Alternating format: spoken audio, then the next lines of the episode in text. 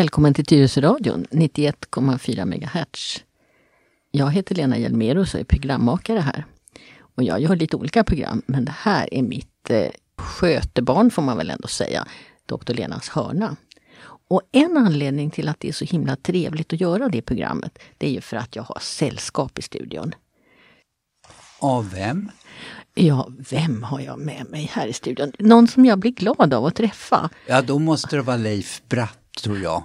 Ja, visst är det det. Och Leif, jag skulle inte klara att sitta här annars eh, vecka ut och vecka in utan dig. Nej, men det är ju coronatider och den här karantänen och alltihopa. Man sitter ensam hemma i sin lägenhet. Det är klart man måste komma ut ibland. Ja, den här sociala distanseringen, den, den tär ju. Och i synnerhet nu när det börjar bli lite kallare och det är inte riktigt lika naturligt att träffa folk utomhus. Jag hoppas att du som lyssnar också har någon sån här polare som Leif som du kan eh, träffa på två meters avstånd ibland. Jag har min hustru. Eh, vi håller avstånd hemma i lägenheten. ja, och, och då kommer vi genast in på det här senaste eh, regelverket från Folkhälsomyndigheten. Leif, har du hört talas om det här att, att om det är någon som är sjuk och har testat positivt, då måste de andra i familjen också vara hemma i karantän? Ja, alltså jag, jag är ju inte medicinare så jag kan ju inte bedöma utan jag följer de regler som kommer ut mest för att freda mitt samvete. Då har jag i alla fall jag varit lydig och mer kan inte jag som lekman göra, känner jag. Nej, och det här är ju ett steg till för att vi ska hålla smittan nere så mycket som det bara går.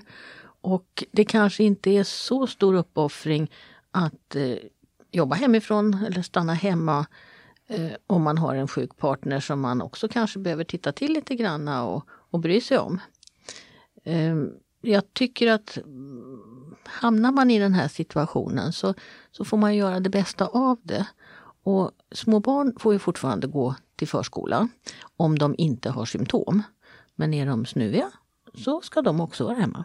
Okej, okay. men eh, jag, jag kom, slog mig eller tänkte, eh, det föll mig in, så ska man säga. Eh, jo, man, man, får ju från media sådana här rapporter om att om det är större evenemang eh, ja, då, och där man inte håller då avstånd från varandra så eh, ja, så blir det då i media i alla fall så här, ja och nu har smittspridningen ökat, det är fler fall efter det här stora eh, mötet och, och, och, så. Där EU-topparna har träffats och kan inte hålla ifrån, ja, hålla avstånd tydligen och så. Flera har då testat positivt. Eh, finns det någon statistik på just det här med om en familjemedlem får en, eh, alltså testar positivt, hur är smittspridningen inom familjer? Hur, vet man om det någonting? Eller jag menar eftersom vi pratar om eh, möten och så ute, alltså idrottsevenemang och nattklubbar och såna här saker eh, och folk är tätt på varandra, då får man en smittspridning sägs det. Ja, alltså det beror på hur sjuk den sjuke är. Om det är mycket hosta och nysningar så ökar ju naturligtvis virusmängden hemma. Men eh, det gäller ju att sköta det här med att tvätta händerna, hålla avstånd, även hemma. Och att har man möjlighet att ha två toaletter eller badrum så kan man ju då använda varsitt. Men eh, det finns ju inget förbud på att dela sovrum utan Eh, man får tänka sig för och, och framförallt vara lite noga med det här med, med eh, hygiendelen. För att viruset dör av handsprit. Och att tvätta händerna är ett bra sätt att hålla nere smittmängden. Vi kommer ju få leva med den här smittan ganska länge. Och jag läste i dagens tidning om eh, vaccin och nu börjar man säga att det kanske inte kommer förrän till sommaren. Vi som hade hoppats på att det skulle komma efter nyår. Så att det gäller nog ändå att försöka förstå att det är viktigt för alla att vi har så lite smitta ute i samhället som möjligt. Och undvika de här festerna och krogarna och så. Ja, jag ska till tandläkaren inne i stan och jag har inte åkt bussen 12 mars. Och jag håller på att planera lite grann nu för hur i all världen jag ska ta mig till min tandläkare. Men det kommer ju att gå, men jag får ju tänka igenom både hur jag ska ta mig dit och hur jag ska ta mig hem. Och eh, det hade jag ju liksom inte behövt fundera på ens eh, om det hade varit ett normalt år. Men nu, nu krävs det en, en tankeprocess av mig att eh, få det här att funka. Jag har varit inne under det senaste halv, eller sen då mars, sådär, säg eh, ja, mellan fem och tio gånger, jag har inte räknat så exakt men jag lägger mina träffar så att jag tar bussen härifrån Tyresö eh, in till Gullmarsplan vid tio tiden Ungefär så. Och då har jag hittills alltid fått med, alltså inte någon granne som har suttit bredvid mig på något Jag har fått suttit i fred. Och, och sen åker jag hem senast klockan tre. Men, ja, nästan vid tvåtiden. Och det har funkat bra. Och sen ser jag till att så tar jag fyrans buss från Gullmarsplan och då kommer jag nästan, och sen finns det att kombinera med andra bussar. Alltså fyran och trean täcker nästan hela stan. Uh, ja, så det har funkat mm, utan, du, utan trängsel. Du har undvikit tunnelbanan då? Ja, mm, ja. Mm, mm. ja och, och, och jag har då en sån här SL-app där man då till och med kan se om bussen är full och där de då varnar för vissa tider. Så att, eh, ja, vi, eh, det ska nog gå. Men jag måste säga att det var en sömnlös natt när jag insåg att jag måste liksom få till det här på något vis. Mm. mm. Hörru du, ska vi gå in på dagens ämne då? Det var ju så här att för tre veckor sedan, förra numret av Hörnan, då pratade vi om hjärtarytmier, det vill säga när hjärtat inte går i takt. Och vi pratade om framförallt sådana här arytmier som går för fort. Ehm, den som missade det programmet kan ju väldigt lätt i vårt arkiv hitta det igen. Vi pratade också ganska länge om snarkning och det gjorde att det jag hade tänkt att vi skulle prata om förra veckan, det kom inte riktigt med. Så nu vill jag göra en komplettering, en, en eh, kompletteringshörna som fortsätter om det här med hjärtat i otakt. Är du med på det? Ja, ja, ja, inte för att jag begriper så mycket mer än att hjärtat är, hjärtat är en muskel.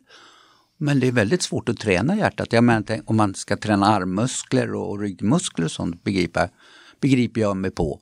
Men eh, jag fattar inte hur jag ska träna mitt hjärta. Men det kanske man inte behöver. För det mesta så behöver man kanske inte träna det. Men när man är lite yngre än vad du och jag är så kan man ju då försöka att pressa upp sig till maxpuls lite då och då. Alltså att ta i så att man känner att hjärtat verkligen får jobba ordentligt. Men i, i vår ålder, för du och jag är ju 70-plussare, då eh, kanske inte det är det viktigaste. Då är det nog viktigast att träna allmän muskelstyrka ute i kroppen. Och så får man vara eh, däremot lite uppmärksam då på om ens hjärta eh, håller rytmen eller inte. Och de flesta människor känner ju om hjärtat inte går i, i takt. Ehm, men får jag bara fråga dig då, så här, eftersom jag, jag tjatar om min åkomma av proppar i lungan. Och det gör ju att mitt hjärta får anstränga sig eh, lite mer än normalt.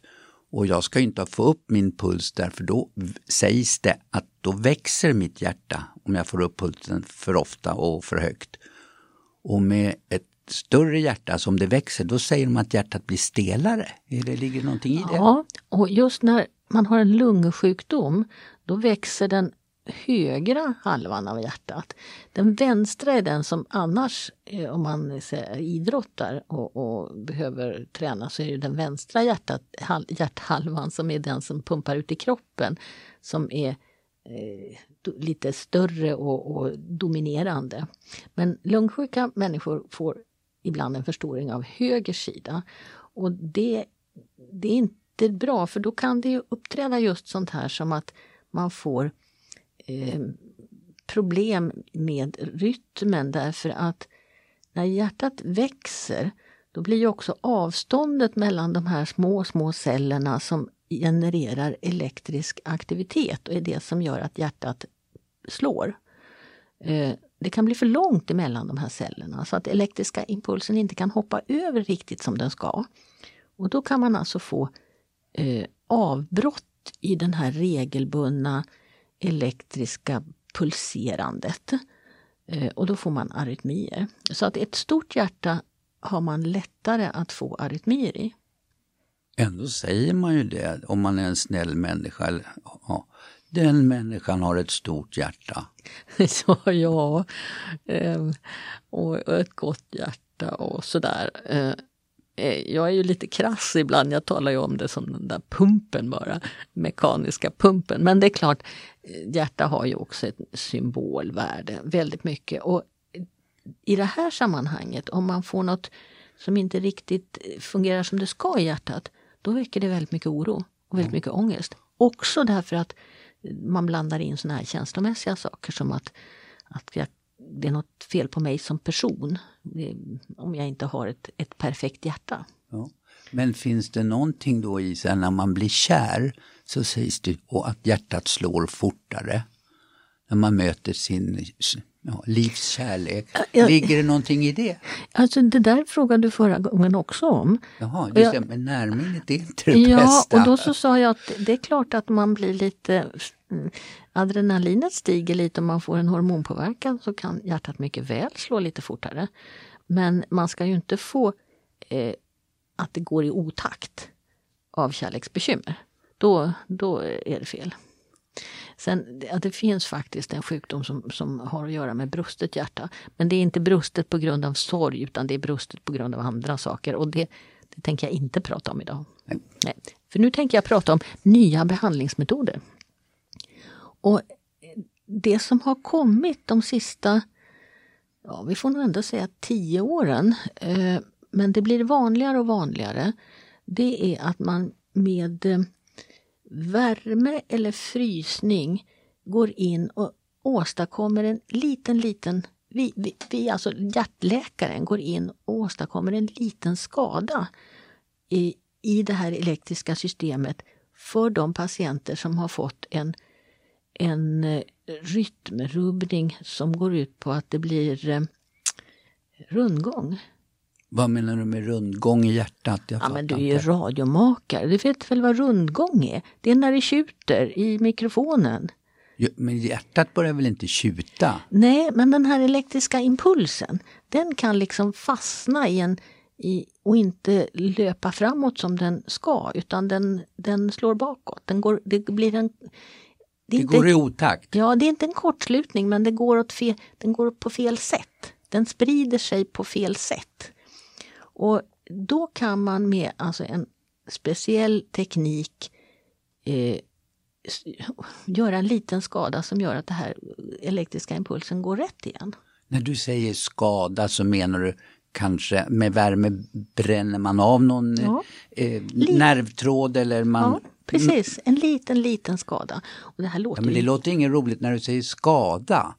Det, det är ju negativt. Ja, men om vi säger ett, ett R då. Ja. Eh, eh, men det, det, här är ju något, bara tanken på att någon ska stoppa in grejer i mig och göra någonting inuti mitt hjärta så att, att det ska gå i takt igen. Det kan kännas lite läskigt faktiskt. Jaha. Ja, visst, du, du blir ju rädd bara att titta på det här. Men det går, man kan läsa ganska bra om det här. Det stel, dels står det på 1177, vår, vår sida som eh, eh, den stora sidan där man kan läsa om allt möjligt. Men sen kan man också gå in på Hjärt-Lungfondens sida. Och där pratade vi förra gången om att det finns bra, väldigt bra informationsmaterial.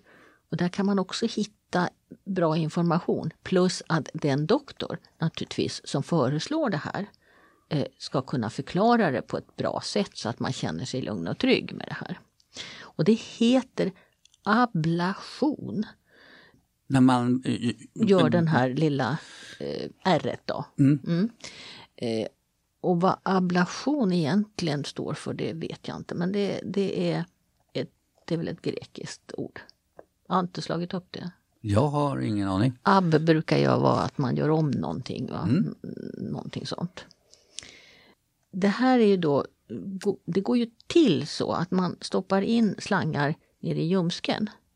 Och så för man upp de här slangarna genom de stora, eh, stora blodsystemet på vensidan upp till hjärtat. Eh, och det här som sagt, det har blivit en, en allt vanligare, men det är ett speciellt eh, ingrepp som bara görs inne på hjärtkliniken av hjärtläkare. Men jag menar, vi har ju inga, vad ska jag säga, vad jag förstår inga smärtnerver inne i kroppen. Så det, det, det känns ju inte när man är inne i de här artärerna. Eller, ja. Nej, det gör det inte. Och det, det, här, alltså, nu har vi haft precis Nobelprisveckor. Det finns faktiskt en människa som borde ha fått Nobelpris. Eh, han heter Sven-Ivar Seldinger och han var läkare uppe i Mora. Och det var han som kom på hur man skulle göra för att stoppa in slangar på det här sättet. Och han har gjort det så elegant. Han, först så sticker de in en nål och genom nålen så sticker man en ledare, alltså en ganska stel eh, ska säga, metallspröt. Och sen ovanpå det sprötet så kan man sen sticka en annan slang. Och inuti den slangen kan man sen sticka ytterligare en. Så att man kan alltså trä saker på varann. Och det här kallas för Seldinger-teknik. Och det var det som var, gjorde det hela möjligt att stoppa in slangar i blodkärlen på det här sättet. Men du ska ju inte tro att han fick något Nobelpris inte. Men det, det, det, där har jag fått prova på för när de skulle då ta efter propparna i lungan så skulle de ta då blodtrycket inne i lungan, alltså på den där högra sidan som går upp till lungan för mm. att mm. Eh, syresätta blodet. Och då gick de in i ljumsken, alltså gjorde ett litet hål i, i ljumsken och sen trädde de in och så låg jag på en brits eller säng då, då och så hade jag en tv uppe i taket som jag kunde titta på. Och jag fattar ju inte, en tunn tunn tråd ser man ju då, mm, mm. kommer på tv-skärmen. Mm. Men hur styr de? För jag menar, vad jag fattar så de här blodartärerna förgrenar sig väl lite hit och dit. Men hur, hur väljer man rätt väg för att komma? Man har ju hela tiden då en röntgen eh, så att man ser vad man, vad man stoppar in någonstans. Ja men hur ska man styra den där? Ja, du, jag, är inte, jag är varken röntgenläkare eller hjärtläkare så jag är lika fascinerad. Jag, det är ju liksom inte inmonterat någon GPS där. I... Nej, men, men de flesta människors blodkärl ser ungefär likadana ut.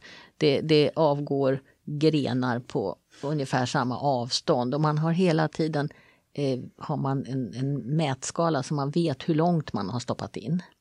Så att man vet att där någonstans ska det finnas en förgrening. Ja men hur ska man då svänga den här mm. tunna tråden till höger eller ja, vänster? Ja. Fråga inte mig. Nej, jag, nej, nej, jag får, jag får du får fråga din doktor. jag får fråga någon som kan någonting. ja, jag får göra det.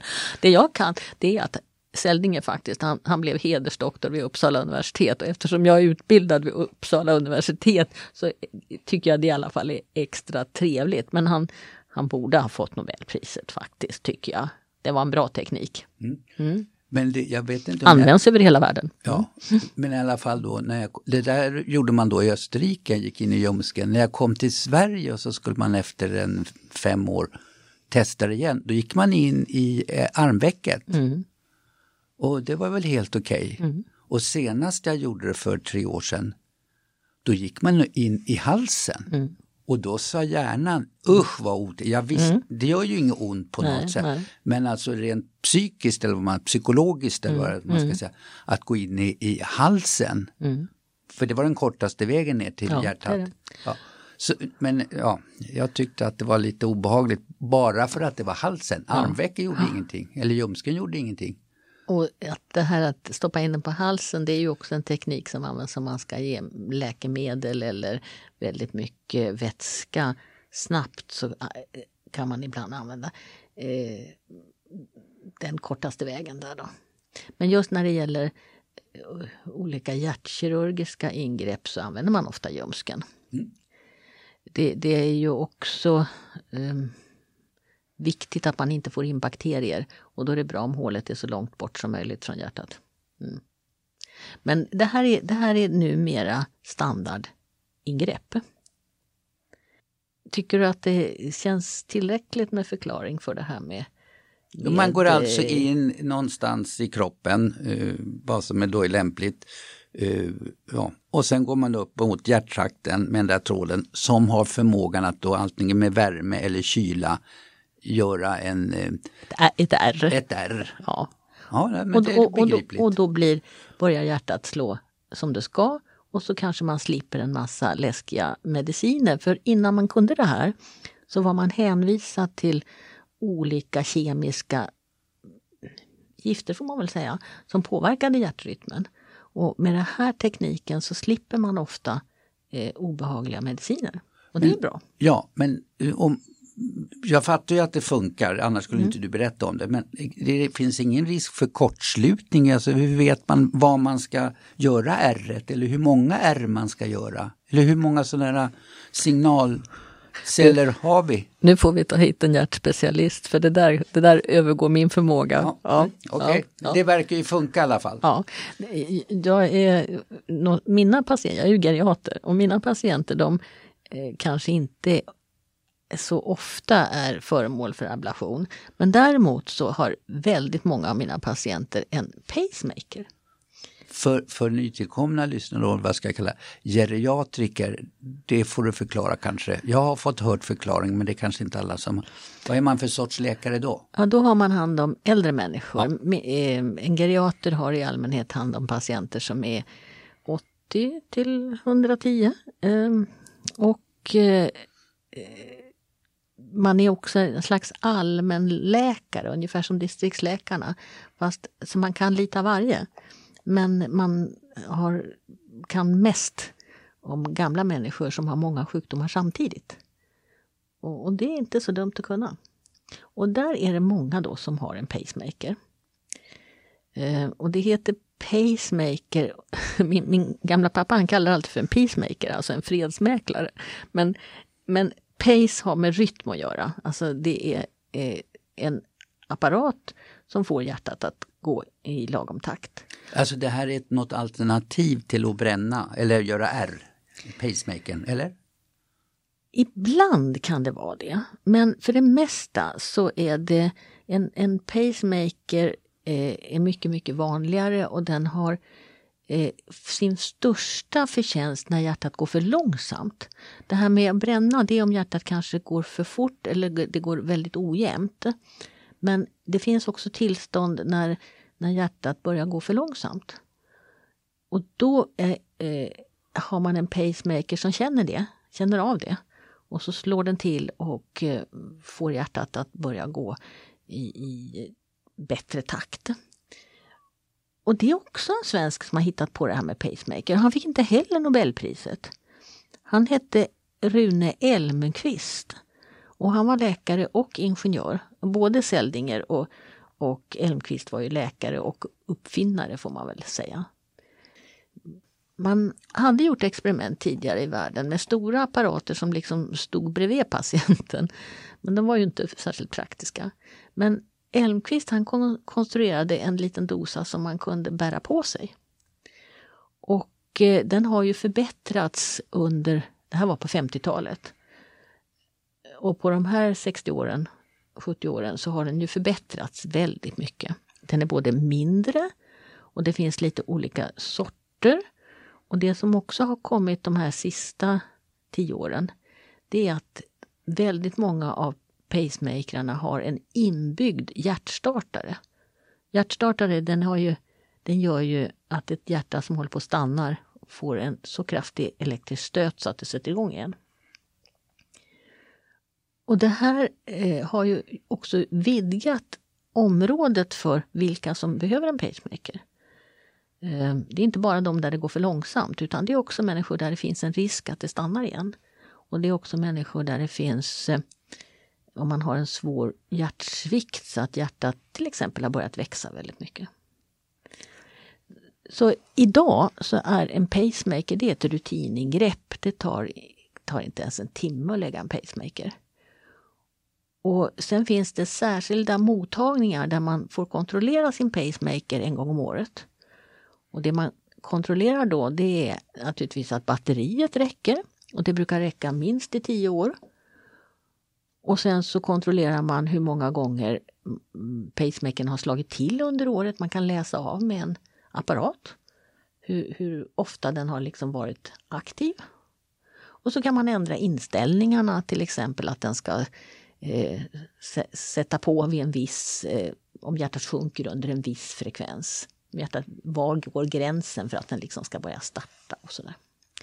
Så att idag är det här eh, väldigt eh, vanligt och det är bra. En enda grej är viktig att komma ihåg och det är att um, om man har en sån här med inbyggd hjärtstartare, någon gång ska vi ju dö. Och då måste man stänga av den funktionen för annars får man en väldigt plågsam död när den här apparaten hela tiden försöker hålla liv i den som håller på att dö.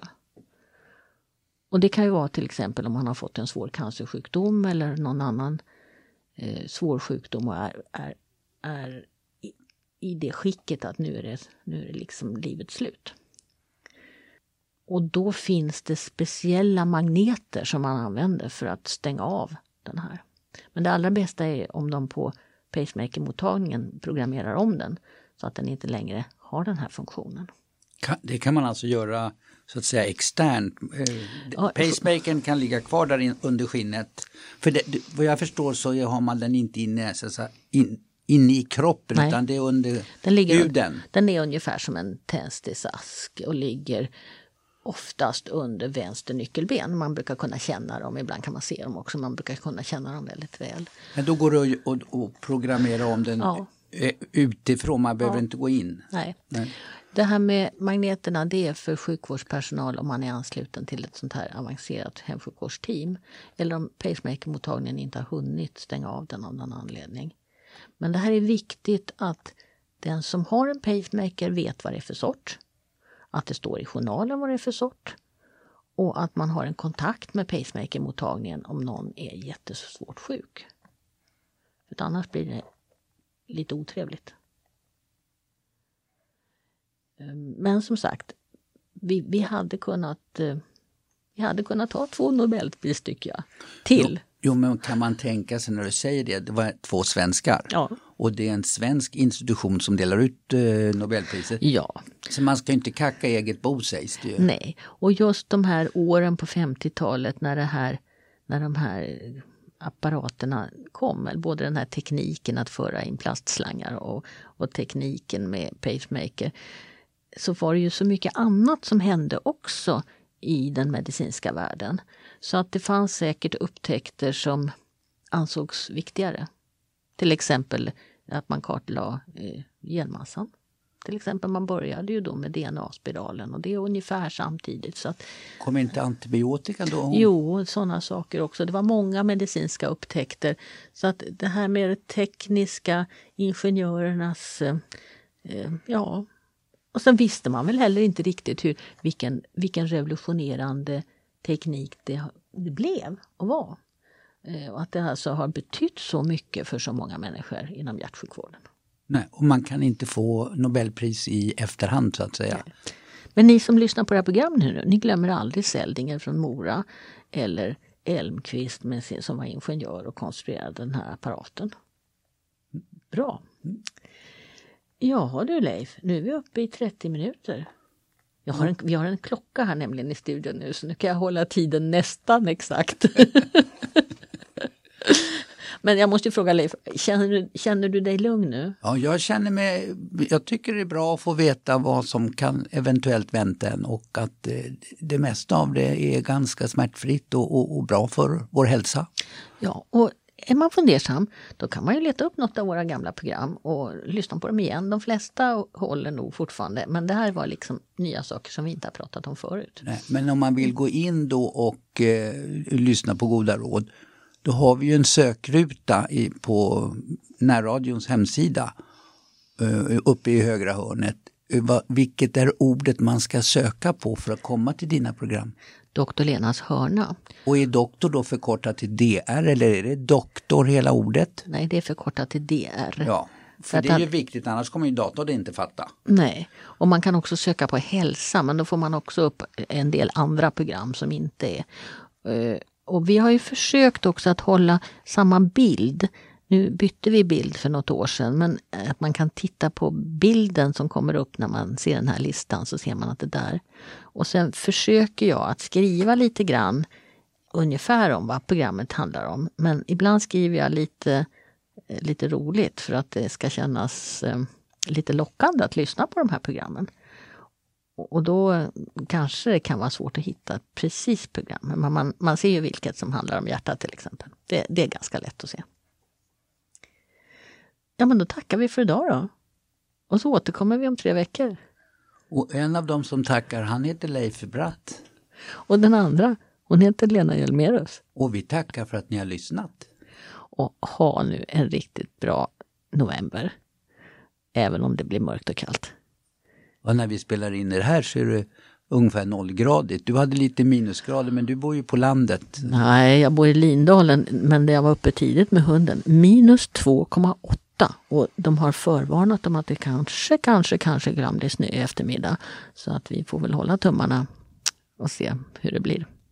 Men det blir ljusare om det blir snö. Det är en fördel. Ja, nog pratat för idag. Hej då!